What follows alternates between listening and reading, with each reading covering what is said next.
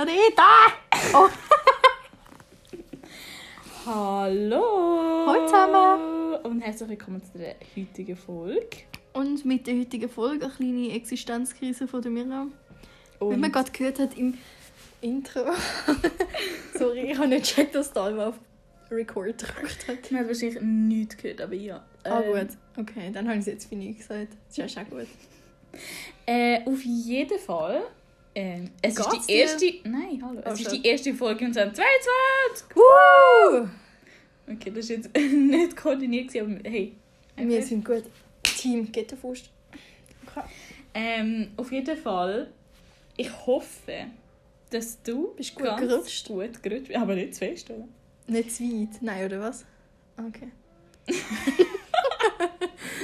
Ja, das ist ein Zitat von meinem Buschauffeur in der Weihnachtsferien, wo der so gesagt hat am Ende ist er so, ja Mann, ähm, wenn wir so langweilig sind und über ähm, Neujahrsvorsätze reden vielleicht, Okay. äh, Miriam hat schon direkt Anschiss. Nein, nein, ich mache das schon. Nein, ich finde das okay. Das können wir schon machen. Über Neujahres... Sagt man Jahresvorsatz oder Neujahresvorsatz? Eigentlich sind es ja ein Jahresvorsatz, aber vielleicht ist es einfach ein Neujahresvorsatz, Neujahresvorsatz. man am Neujahr macht. Oder Okay. Aber wenn okay. es Leute am Neujahr machen, ich weiß nicht. Habe ich das nicht schon erzählt, was ich wollte machen? Das eine. Doch, du, also Das mit diesen habe- Moment da. Living the moment. Nein, nein, nein, nein, nein, nein, nein. Oder ich habe es nicht erzählt. Ich erzähle es einfach nochmal und wenn es... Okay. Und wenn ich es schon erzählt habe, dann ist es doppelt Dann machen wir jetzt gemoppelt. Nein, also willst du anfangen? Einfach um. Ich anfangen.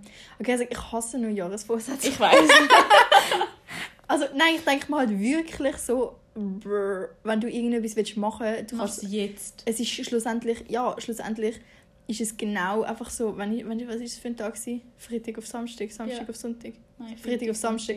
Es ist einfach ein stinknormaler Freitag und ein stinknormaler Samstag. Aber er stinkt nicht. Und ja, und du bist dich am Samstag nicht, also es, ich kenne das schon, dass man das Gefühl hat, man ist jetzt mit neuer Energie erfüllt und jetzt aber ich finde eigentlich eher, ich glaube, etwas, wo ich mir eher vielleicht einen Vorsatz würde nehmen, ist halt so Semesteranfang oder so, weißt du, so in der Mhm. Schule oder so, weil irgendwie die Routine ist für mich vom, vom alten Jahr ist nicht fertig gewesen am 31. Dezember. Weißt du, was ich meine? Es geht Das ja ist so- nie einfach von einem Tag auf den Ja, anderen. okay. Nein, aber ja weißt du, ich meine, es ist so, Prozess. es ist, es ist nicht das Schuljahr fertig und es ist auch nicht, es ist nicht mal das Semester fertig. Das Semester ist jetzt immer noch Mhm. am Das passieren. So, das ist eben so, wo ich so denke, wieso sollte ich mir jetzt gerade einen Vorsatz machen? Wenn ich mir einen Vorsatz mache, dann wenn das neue Semester anfängt oder so. Ähm, und auch nicht einen Vorsatz im Sinne von, keine ich, etwas komplett Neues. Also weißt du, das finde ich eh wack. So, wenn man Ja. sich so etwas, wo eigentlich gar noch nichts mit einem zu tun hat oder so, Ja, das... so etwas, wo man einfach gerne nicht. wäre. Ja. ja. Ich finde, wenn man sich einen Vorsatz setzt, dann sollte man so anfangen, dass man eher etwas, wo man schon ein bisschen hat, weißt so improved. Mhm. Also sage ich nehme mir jetzt mehr Zeit für das und nicht, ich nehme mir jetzt grundsätzlich mal überhaupt Zeit für Ja. das. So, weißt, weil das wird eh nicht funktionieren. Aber ich meine, Wer- neue wer hat dich Gewohnheiten kannst du kannst du ja schon auch anfangen. Safe. Aber wenn du... Aber Schritt für Schritt. Ja, du kannst und nicht vor sagen, allem- von einem Tag auf den anderen, ich habe jetzt heute 5 Kilo verloren. Ich hasse, wenn Leute so das Gefühl haben, ja, das Jahr werde ich im Fall Gewicht verlieren. Weil das ist mein halt schade für Ziel. dich, weil verlieren... Was? Ich wollte sagen... Nein, ich wollte sagen, man will doch nichts verlieren. Nein, ähm... Sorry? Ja, aber es nervt mich einfach, wenn Leute das Gefühl haben, Ja, ja, ich muss ja. mich verbessern und vor allem muss ich ein Jahr lang... Nein, also, und was mich eben auch anschießt, wenn du weißt, irgendwie Mitte Dezember voll Bock auf das im neuen Jahr. So, was haltet dich davon ab, dass du dann anfängst? ich glaube, Das ist der innere Schweinehund und dass du das Gefühl hast, mm, wenn der Start episch ist, dann, dann ziehe ich es mehr durch. Aber das stimmt überhaupt nicht, weil ich habe irgendwie mal so ein... Irgendwo habe ich gehört, Gewohnheit sind wie Drähte oder so. Also du... Schau, wie wenn du...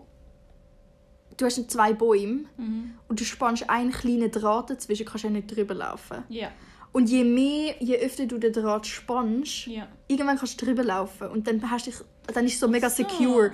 Das heißt, je öfter du etwas machst, desto sicherer wird es und desto mehr ist es in deiner Gewohnheit. Das heißt, Mega eigentlich gönnst so- Mega komisches Bild, sorry, wer läuft über den Draht? Ja, nein, ich kann nicht, das war nicht im Dings, gewesen, dort, wo ich es gehört habe, das habe ich mir jetzt gerade überlegt. Ah, Ja, Jesus. einfach irgendetwas, wo halt stabiler wird mit jedem Mal, wo man es halt macht. Also, und mit jedes, ja. Ja, Ja. Kann, ich kann doch auch nicht. Aber das ist Ich wirklich so. verstehe, Und was dann so, wieso fängst du nicht direkt an? Ja, aber Mhm. ich, es ist auch mega oft so, ja, nein, ich mache es am Montag. Weil am Ach so. Montag ist der Wochenstart Ja, ja. und dann kannst Ich glaube, Leute haben einfach so das Gefühl, ich weiß auch nicht, dass wir irgendwie. Die Gesell- Gesellschaft Scheiße. tut uns äh, dazu ähm, pressen, Nein, ja. formen, Mhm. Ja. dass wir das Gefühl haben, wir brauchen Start, wir können nicht ohne Start. Ja. Ähm, und dann. Und auch, dass man irgendwie alle gleichzeitig, das ist ja auch eine Markt, äh. Also so im Sinn von zum Beispiel, weißt du, so Fitnesszentren oder so. ja, die sind ja die Januar haben ja- sind ja überladen und nachher Eben, und nachher ist wieder niemand dort. Und so, das ist eigentlich mega krass. Da lässt man sich auch mega davon beeinflussen. Du kannst auch einfach im September anfangen ins Gym gehen, wenn du Bock hast. So, weißt? Mhm. Also, dass das, so, dass das mega so, so manipulierend irgendwie so darauf angepasst wird oder so. Dass man halt einfach, dass man das Gefühl hat. Oder, oder auch Leute, die einem fragen, hast du einen Neujahresvorsatz, Kollege? Ich finde, gerade so, wenn ich irgendetwas will, gell? Mhm. und ich nicht sicher bin, ob ich es schaffe, dann rede ich nicht gerne drüber. Mhm. Weil ich dann Weil dann Angst du, habe, ja. dass ich fehle. Dann du Und dann ist, ja, und ich will nie, wenn ich einen Neujahrsvorsatz hätte, kann ich wieder niemandem erzählen, Mhm. weil ich einfach nicht, also, also weißt, außer das ist jetzt irgendetwas, wo ich so sage, keine Ahnung, weißt, aber wenn es etwas ist, wo irgendwie ich meine eigenen Skills und mein Durchhaltevermögen muss beweisen, dann erzähle ich das sicher niemandem, das Das sind wir, weil wir verzahlen, verzeihst alles. verzahlst. Ich Verzahlst dir alles. Ja. Du verzahlst mir gar nicht. Fang mal an, mir Geld zu geben. Nein, mega mühsam. Aber was ich gut, also was mein, mein Ding so ein ist, Was ist dein Jahresvorsatz? ja, und das hat, ist aber nicht ein Vorsatz im Sinne von, ähm, es hat halt wirklich etwas damit zu tun mit der Zeitspanne, die ich habe bis zum nächsten Neujahr. Und zwar? Und darum gibt es für mich Sinn, lesen. Nein, und darum gibt es für mich Sinn, dass ich das jetzt anfange. Und zwar ist das, also irgendwo gehört, du nimmst dir so ein, äh, so ein äh, Schraubglas, also so ein äh, Ah ja. Ding. Habe ich das schon gesagt? Ich weiss, du hast es mir auf jeden Fall schon mal Ich weiß nicht, ob ich es mir da schon mal erzählt habe. Anyways, ich erzähle es jetzt einfach noch schöner. Ähm, dass wir irgendwelche, ich glaube, Es ist so ein Marmeladeglas und dann durch so einen Moment, wo dir... Ja, wo einem gut gefallen, also Ja. wo einem Freude gemacht haben oder wo man happy war oder so, schreibt man einfach so ein paar Wörter dazu auf oder halt einen Satz und irgendwie vielleicht das Datum oder keine Ahnung, irgendetwas. Mhm. Oder ich glaube, ich schreibe das Datum drauf will. Ja, bitte. Weil es nervt dich nachher mega. Nein, nein, und vor allem- Mega, weil nachher nicht mehr, Nein, und vor allem, weißt du, was kann ich dann machen? Dann kann ich in meiner Camera Roll kann ich so zu dem Datum Mm, gehen und dann ja. sehe ich halt gerade noch die Bilder, die ich an diesem Tag gemacht habe. Und dann kann ich mich viel mehr zurück in das hineinleben, weil keine ich merke einfach, ich bin am Jahresende amix so, also an Silvester, so fucking deprimiert, weil ich mir so gedacht habe, okay, es ist ein Jahr vorbei, ist irgendetwas, sich irgendetwas verbessert, ist irgendetwas, also weißt du, Mhm. generell so, die Fester geben mir amix bad Vibes, weißt du? No. Wieso du bist, du solltest jetzt eigentlich gerade glücklich sein und alle sind so mega am Feiern und du bist manchmal bist einfach so nicht im Mut Ja, und dann fühlst du, ja, und dann fühlst du dich schlecht deswegen. Und darum ist es so mein kleiner äh, Moment dann, wo ich nächstes Jahr wird für mich haben, Mhm. ähm, mache ich wahrscheinlich dann irgendwie so am 31. am Morgen oder so, oder wenn, bevor ich mich weißt, bevor ich irgendetwas mache am Ja. Abend oder so, lese ich mir das Zeugs durch und habe einfach einen Recap von meinem Jahr Mhm. wo ich halt nicht mühsam muss erarbeiten, sondern es ist halt wirklich, es sind Sekunden aus meinem Alltag, wo mir dann aber am Schluss vom Jahr, wo sich summieren und wo mir am Schluss halt irgendwie wieder die ganze Freude so, weißt, Ja. aufs Mal geben. Und das fühle ich. Und das ist ein Vorsatz, dass ich das durchziehe. und So. Aber also eigentlich, äh, Dann ja wünsche ich dir auf jeden Fall viel Erfolg und viel Glück beim Durchziehen. Danke dir. Und was hast du dir so vorgenommen? Also das Ding ist, ich bin ja... Ähm, ja... Schwedin? Nein, ich bin also eher das Gegenteil von dem, was du jetzt so etwa gesagt hast und formuliert hast. Ich meine, ich verstehe, also eben, mich nervt das auch so Jahresvorsätze, ja, und dann irgendwie ist das so ein Top 1 Thema, whatever, das, das ist schon ein bisschen nervig und so. Aber ich mache Jahresvorsätze und der Grund ist wahrscheinlich schon auch, dass ich so, ähm, ja, oder? Ich bin so eine, ich brauche einen Start. Du bist so Ich ein. bin so eine, ich gehöre zu denen und ähm, ich brauche das irgendwie, aber ähm, ich finde es auch eine gute Möglichkeit, um über das ganze Jahr reflektieren, was ich gemacht habe. Mhm. Ähm, und irgendwie zum so herausfinden, ja, was, was, kann, was kannst du jetzt besser machen das Jahr, was, was nicht. Und dann tue ich mir halt auch so Jahresvorsätze überlegen, weil ich einfach, also ich mache das eigentlich, ich schreibe eigentlich so zwölf Jahresvorsätze auf und dann mache ich jeden Monat mache ich etwas anderes. Aber so kleine Sachen. Mhm. Ähm, Möchtest du ein Beispiel nennen? ja, also zum Beispiel ähm, mehr trinken. Weil ich bin ein Mensch, ich Ah, trinke ja. nie. Ich trinke so ein Glas am Tag und das ist richtig schlimm. Und dann bin ich einfach so, okay, für einen Monat nehme ich mir das vor, weil es geht, glaube 21 Tage oder so, bis du eine Gewohnheit ähm, hast können Richtig entwickeln, also so Genau. automatisieren. und 21 Tage, da du 30, dann ein ist noch- Sportzeug, ein paar, um das vielleicht Ja. noch besser zu entwickeln. Ähm, und dann hast du das einen Monat lang und dann bleibt dir das vielleicht auch länger im Kopf irgendwie, ah, Mhm. ich könnte noch das machen. Du kannst nicht, du kannst nicht 10 Vorsätze an einem Tag machen oder Mhm. einen Monat lang. Das, das Ja, ja, funktioniert ja, einfach nicht. Aber ich mhm. finde es eine gute Möglichkeit, um herauszufinden, was ich will, was ich nicht mehr will. Ähm, ich finde es auch ein guter Zeitpunkt. Ja. Und was dann halt aber auch irgendwie mega unpraktisch ist, zum Beispiel Leute, die ähm, wo in China sind oder so. Ich meine, ihr habt ja Neujahr nicht jetzt. Neujahr ist ja dann Mitte Januar oder irgendwie. Ja, ja, ich weiß, was du meinst. Das Also finde ich, ich aber dann mega schwer, schwierig zu mir irgendwie vorstellen. Wie wäre es, wenn ich Neujahr Mitte Januar hätte? Und nicht Wieso wäre das für dich schwierig? Ich weiß nicht. Das ist äh, Weil schade. ich wahrscheinlich, also zu, vor allem das erste Mal, wenn ich, also wenn ich jetzt Ja, wieder ja. auf China ziehe oder so Ja, das heisst ja und nicht. jahrelang dort bleibe, dann wäre das erste Jahr mega weird für mich. Weil du kannst ja auch einfach dein Silvester durchziehen. ja, aber ist ja dann auch Das ist ja. Äh, mm, okay. Ich will eh nicht auf China Möchtest du Feedback hören von mir zu deinen Vorsätzen? Erzähl. Also ich finde das eigentlich recht geil, die Dinge. Vor allem, ich habe mich gefragt, wann tust du dir die Vorsätze aufschreiben? Machst du das am 1. Januar oder machst du das am Nein. 31.? Ich mache das Oder machst du das in vorher? der letzten Woche Okay, vom Jahr. So, Okay. ich habe jetzt das Jahr 31 und 31. gemacht. okay, gut. Mhm. Und keine Ahnung, ich finde es ich find's auch eine mega gute Möglichkeit zum Reflektieren. Nein, Und also ich habe Das wirklich haben wir in der letzten Folge schon gesagt. Reflektieren, Ist Kinder. A und O. Das ist das Ja. Einzige, was ihr braucht. Und wenn ihr das nicht macht, dann sind Ja, ihr... ja. Nein, was ich auch noch will sagen, ich finde das eigentlich... Weißt du, ich habe immer das Gefühl, mit deinen zwölf Vorsätzen Mhm. ist auch gut, weil irgendwie du kannst ein paar haben, du musst ein paar haben und du tust dann nicht... Ich habe das Gefühl, es gibt mega viele Leute, die sich halt so... Weißt du, du hast wie so kleine Hügel, oder? Mhm. Wo du dann musst besteigen Ja. Und ich habe das Gefühl, wenn man sich so einen setzt, dann ist es mega, so immer so etwas mega Utopisches, wo Ja. einfach schwierig ist zum wirklich erreichen. Und dadurch, erstmal sterben, dass du dir noch so das mit dem Monat und so, also fühle Mhm. Ähm, und eben, eben oh, ich kann nicht reden, dass du, dass du das dann dir wirklich angewöhnst und dass es nicht, ich meine, ein, ich habe das Gefühl, gewisse Leute haben das Gefühl, sie müssen sich mit ihrem Vorsatz irgendwie quälen oder so. Also weißt du, Leute, die absolute Sportmuffen sind, sagen, ich gehe jetzt dreimal in der Woche Sport machen oder so. Also weißt du, du machst ja etwas, Du musst um dich so ja. sanft, aber bestimmt irgendwie improven Ja. bei Sachen, wo du weißt, das tut mir gut. Mhm. So, weißt, es, ich finde, das ist eben komisch, wenn man sich so etwas nimmt, wo eigentlich einem überhaupt nicht entspricht. So. Ja. Darum, das, das ist die Art von Vorsatz, wo ich abstoßend finde. Und auch ich meine, wenn es jetzt zum Beispiel ist, dass du ein Sportmuffel bist und dann hast du das Gefühl, okay, ich will jetzt anfangen Sport machen, dann mach es langsam. ja, und vor allem Mach einmal in der Woche, geh spazieren oder mach etwas easy, mach fünf Minuten am Tag oder weißt irgendetwas Ja, easy. ja. Geh langsam an das Ganze an, weil du schaffst es nicht. Nein, und es ist, in der Woche, wenn es ist deprimierend. Ja, man kennt sich alle das Gefühl, wenn man etwas hat wollen schaffen, man schafft es nicht. Ja. Und man will sich dann irgendwie selber nicht eingestehen, weil eigentlich ist man selber ist ja der oder die härteste Kritikerin, so Mhm. ein bisschen.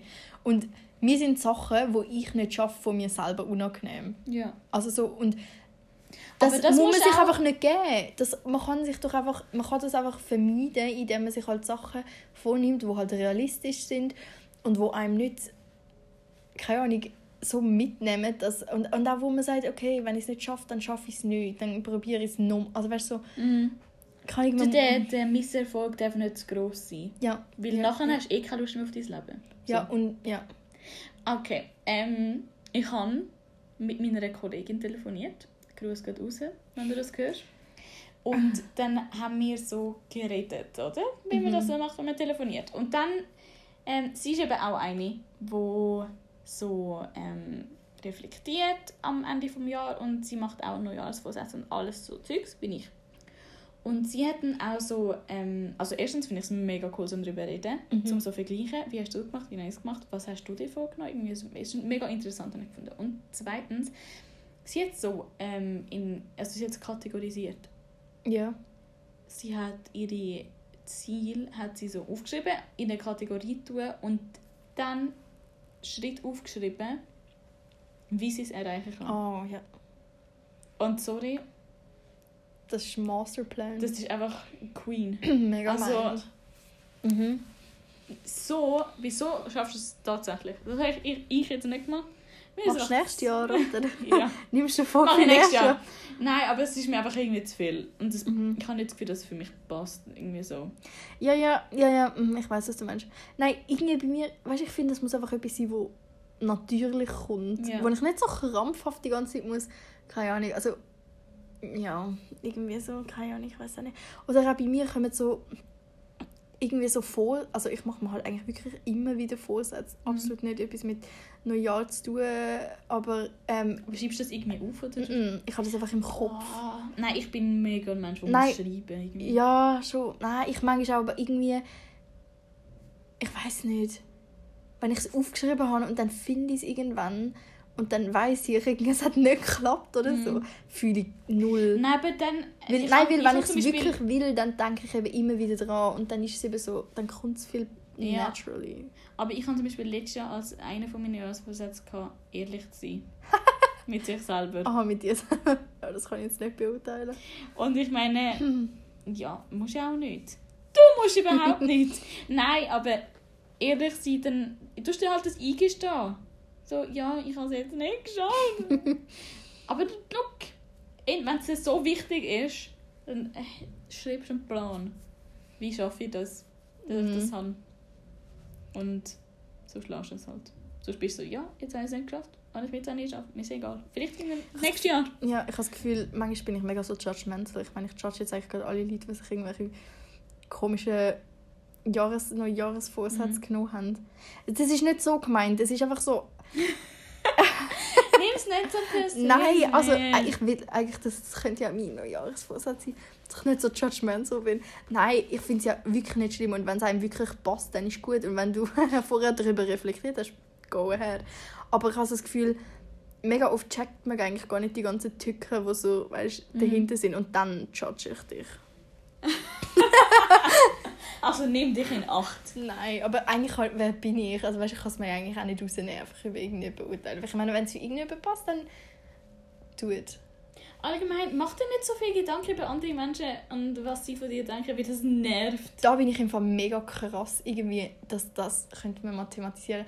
Ich finde, ich habe mich so krass verändert, gell? Ich hätte, also was so angeht, neue Leute kennenlernen und so, was werden sie über mich denken und aber gleichzeitig auch generell Leute einfach so, wo man kennt, was sie über einen denken oder Leute, die einem einfach so sehen, ist mir so egal. Ja.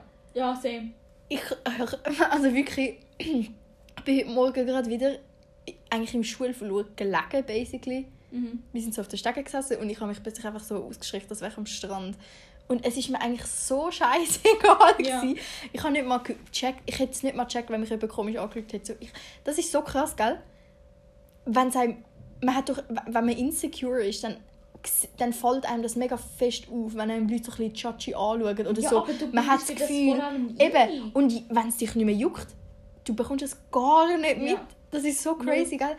Und irgendwie, also, keine Ahnung, kennst du auch die Leute, wo dich aufgrund halt so Entscheidungen, die du in deinem Leben triffst, zum Beispiel ich, wo Leute judgen von Neujahrsvorsatz Nein, aber so, also jetzt nicht wegen so Sachen, weißt du, Mhm. so wegen persönlicheren Sachen, wo dich dann so mega judgen und wo du dich nachher schlecht fühlst, obwohl es deine Entscheidung war und nur dein Leben betrifft. So. Ja. Und dort, da habe ich einfach wirklich die Nase voll, das gebe ich mir so nicht mehr. Ja, musst du auch nicht. Also erstens, nimm die Person aus dem Umfeld raus. So. Ja, okay, aber das, Und- da bin ich im Fall, das finde ich eben auch ein kritisches Ding, weil weißt, wenn du alle Personen aus deinem Umfeld Ja, alle Personen- irgendwann mal etwas, ja, aber doch, Hast du Also nicht schon bei jeder Person in deinem. Leben irgendwann so gedacht, Kollege, gone. Also ich hatte dich gerade nicht so wollen an. Also, es ist basically aus dem Grund. Nein, Nein, eben, das aber du musst ja- dort musst du mega aufpassen, auch, dass du nachher nicht einfach antisocial wirst. Dass nicht Ja, einfach nein, alles logisch nicht. Aber du musst dir halt so überlegen, okay, entweder hat die Person nachher verstanden, dass sie etwas Dummes gemacht hat. So, siehst du die Person sich verändern in diesem Bezug? So? Bleib wie du bist. Oder auch absolut nicht. ähm, oder, also weißt wenn die Person in deinem Umfeld dich judgt, okay, das ist ein Scheißdreck, so, dann sprich es an, so, du bist ein Opfer, und dann sagen sie, ah, du bist selber ein Opfer, oder sie sagen, ah, ich bin ein Opfer, sorry. weißt du, was ich meine? Sorry, da habe ich mein Baumdraht. habe ich noch besser gefunden. Nein, Ich aber du bist so, du musst, du musst, also ich finde schon, dass du solltest sortieren Ja, safe. Weil das habe ich auch gemacht und ich bin allein. gewesen. Safe, aber ich habe einfach das Gefühl, gewisse Menschen, und ich weiß nicht, ob ich mich dort würde inkludieren oder exkludieren, das weiß ich jetzt nicht. Aber ich habe das Gefühl, manchmal, es kann, also es kann mega schnell kann man in etwas reingehen, Ja. wo man einfach sich nicht mehr damit auseinandersetzen dass man vielleicht selber mal im Unrecht ist Mhm. und dass man dann alle wegklatscht, weil man nie das Problem bei sich selber sieht.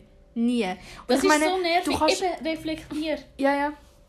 Es liegt halt schon auch an dir. Ja, ja, es liegt immer. Ich meine, man sagt so schön, es braucht immer zwei. Schöne. Nein, also eben, erstens reflektier selber, zweitens schau, wer, wer ist in deinem Umfeld, welche Leute in deinem Umfeld und sonst suchst du einen Weg, um dich nicht mit dem Umfeld zu haben. Ja, Weil und wenn du nicht wir, sicher müssen, wir bist. müssen das nicht haben. Wir müssen das echt nicht haben. Ich habe es auch ausgehalten, aus persönlicher Erfahrung. he. ich habe mein Umfeld ich. Also es hat wirklich niemand mehr gehabt, so für ein Zeitchen. Und ja, es ist jetzt vielleicht nicht mega angenehm gewesen, aber du gewöhnst dich dran. Mhm. Und nach der Zeit findest du vielleicht Leute, weißt du, wie Miriam und ich uns gefunden haben. sag, sag das immer, Ja. weißt Ja, ja, du, ja. dann hast du Ja, eben, um, Irgendwann kommt es eben schon noch. ja, safe. Du musst das, das bin ich so, da, da bin ich so ultimativ kritisch. Ich irgendwie- manchmal dort, sage ich einfach so, Kollege, vertrau einfach darauf, dass Ja. irgendwann kommt es gut. Nicht im Sinn von irgendwann hast du ein Happy End wie in einem Film, aber in jedem kleinen Bereich hast also nein wahrscheinlich nicht in jedem kleinen, aber es gibt einfach Sachen, wo man einfach sich nicht so darauf verbeissen und Ja. sich einreden, wie schlecht es ist, sondern wo man wirklich einfach muss merken, aha, die Leiter geht runter, also geht sie auch wieder rauf, oder? Genau. Also es wird, es wird wieder gut, so weißt und manchmal wird es sogar noch besser, als du denkst. Und es wird auch, was auch so krass ist, es wird einfach, so oft wird es einfach komplett anders, als du denkst. Mhm. Kennst du das, wenn irgendetwas ist scheiße und du hast das Gefühl, äh, und dann verändert sich und ist eigentlich wie gut, aber es ist so anders gut, Mhm. auf eine andere Art, wie, wo, also, als ob, ach, Ja, das ist einfach noch wie du so also anders, ist. als du es erwartet hast, dass du gar nicht checkst Ja. aber du lebst einfach und das ist eigentlich so der Moment, wo du so merkst, Dann I du made it. Ja. Ja. Mhm. Das ist geil. Dann musst du dich nicht mehr anstrengen, es ist alles picobello. Ja. Ist geil. Also, ich wünsche dir das. Ja, und äh, genau. Habt Sorge. ja, aber noch als Fazit so. Als Fazit, Fazit. Von, von dem Auf und Ab in dieser Folge, die wir gerade gehabt haben. Nein, ich finde, der rote Faden 20 war recht gewesen. Ähm, mach...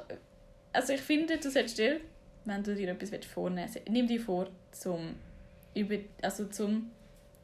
dir selber Sorge Ha, haben. G, nein. Okay? Nein. Ha, Sorge.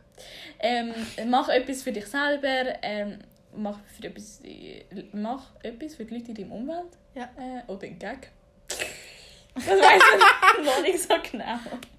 Ähm, aber ja, ich hoffe, du bist sehr gut gestartet ins neue Jahr. Und ähm, Gute Gesundheit. Viel Erfolg. Und ähm, Und Kuss auf bleib wie du bist. Spaß. Mach das nicht. Ja, außer das gefällt dir ganz so gut. Ja. Ja, also an Ähm. dieser Stelle würde ich mir sagen, Tschüssi, Büsi. schön war mit dir. Und bis nächstes Mal. Tschüss. Ciao.